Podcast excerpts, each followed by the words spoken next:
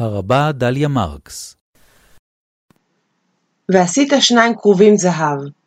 הכרובים הם ישויות שמימיות המוזכרות בתנ"ך לא אחת, למשל כשומרי גן העדן לאחר גירוש האדם, וישכן מקדן לגן עדן את הכרובים, כך בבראשית ג', אבל מה בדיוק הם הכרובים וכיצד הם נראים? הנביא יחזקאל למשל מונה ארבעה סוגי כרובים הרתומים למרכבת האל, האחד פניו פני שור, השני אריה, השלישי נשר, והרביעי פניו פני אדם, בדרך כלל הם מתוארים כיצורים מחונפים. רבי אבאו במסכת חגיגה דף י"ג עמוד ב' טוען שפניו של הכרוב הם כפני נער, הוא מסביר את המילה כרוב ככרוב, רוב הוא נער, ואולי משום כך באמנות המודרנית הכרובים הם בדרך כלל בעלי פני ילד.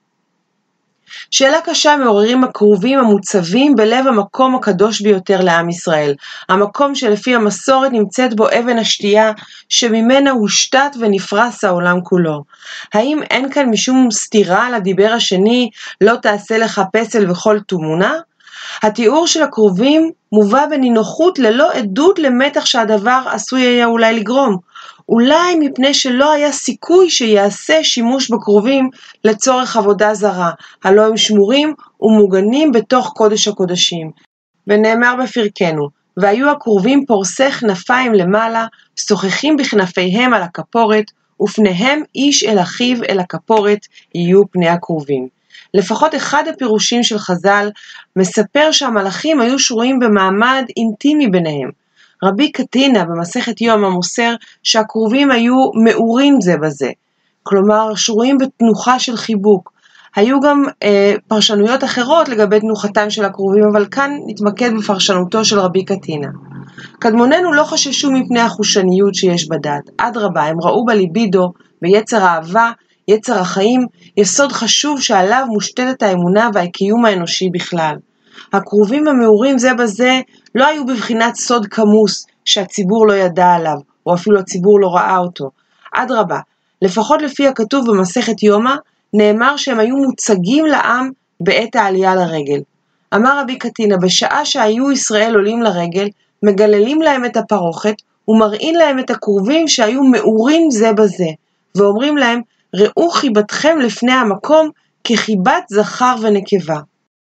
ורש"י מפרש אה, את הביטוי מעורים זה בזה כלשון דיבוק, כלומר שהכרובים היו שרויים ביניהם במעשה האהבה.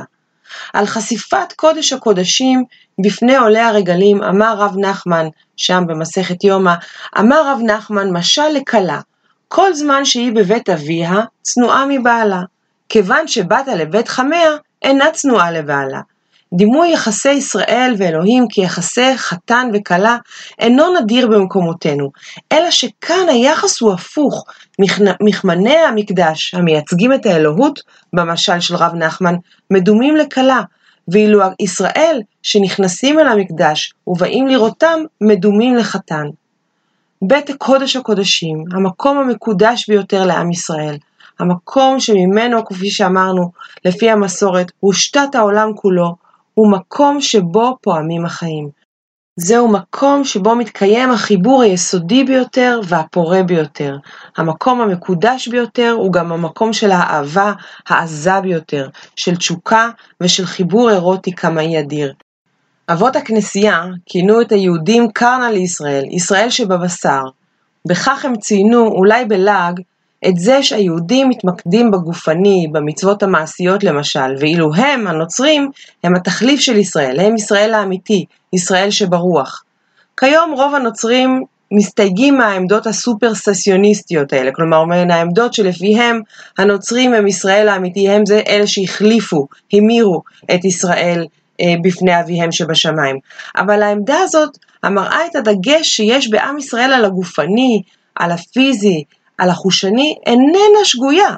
אדרבה, המצוות המעשיות, כמו גם האהבה הזוגית והאירוטיקה, הם יסודות חשובים בתודעה היהודית. הרוח אינה, אינה צריכה לנצח את הבשר, אלא היא נובעת ממנו. יהודים ויהודיות שמקדישים את עצמם לעבודת האל אינם צריכים להתנזר מן הבשר, מן החושני, מן האירוטי, אלא לחגוג אותם, אמנם בדרכים מאופקות וראויות, ולקדש אותם, וגם כיום חשוב מאוד לזכור את הקדושה שיש וצריכה להיות ביחסים שבין המינים.